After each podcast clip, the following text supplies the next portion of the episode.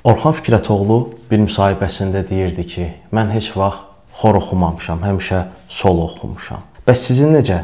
Səsiniz xorun digər üzvlərinin səsinə qarışıb bitir, yoxsa sol oxuya bilirsiniz?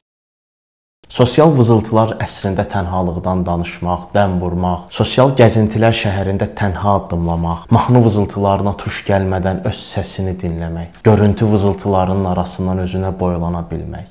Vızıltılı insandan səssiz insana doğru. İnsanlar yerdə yaşayan yeganə canlılardır ki, bir Allahın olduğunu iddia edirlər. Lakin həm də yeganə canlılardır ki, Tanrı yoxmuş kimi davranırlar.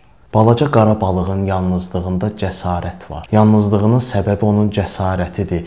Qorxaqlarla cəsurların tənhalıqları bir olmur.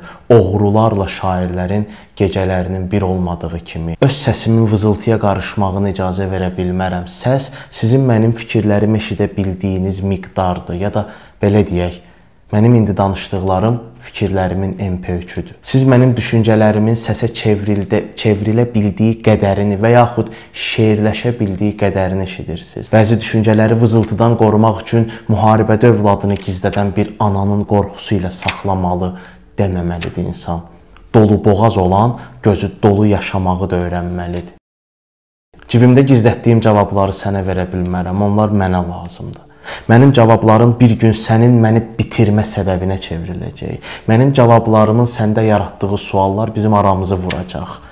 Mən bilirəm ki, sən bir gün öz cavablarını mənim cibimə atıb məni tutduracaqsan. Deyirdilər ki, tasmasının kəndiri ilə maşına bağlanmış itin azadlığı kəndirin uzunluğu qədərdir. Sənin də azadlığın tənhalığın boydadır. Sən nə qədər tənha qala bilirsənsə, o qədər azadsan. Azadlıq öz tənhalıq prinsiplərini rahat cəmləşdirə bilməkdir, sirayət etdirə bilmə, bulaşdırmaqdır. Hitler öz faşist tənhalığını bulaşdırmışdı. Bəli, bəzi yalnızlıqlar qorxuludur, öldürücüdür. Bəziləri isə Mustafa ilə Allahın tənhalığı kimi səmavidir. İnsanın zatında olmalıdır bu məziyyət. Həvva öz cənnət tənhalığından bezmişdi, sual formasını almış ilanın qarşısında. Beləcə ilan tarixin ilk sualını yaratdı. Yeyim yoxsa yeməyim? Bəlkə də sual işarəsi ona görə ilana oxşuyur. Bir nəfər deyirdi ki, Tənhalıq gözəldir, amma yanınızda tənhalığın nə qədər gözəl olduğunu deyə bildiyiniz biri olmalıdır. Təkcə asket insan hansısa cəm məfhumu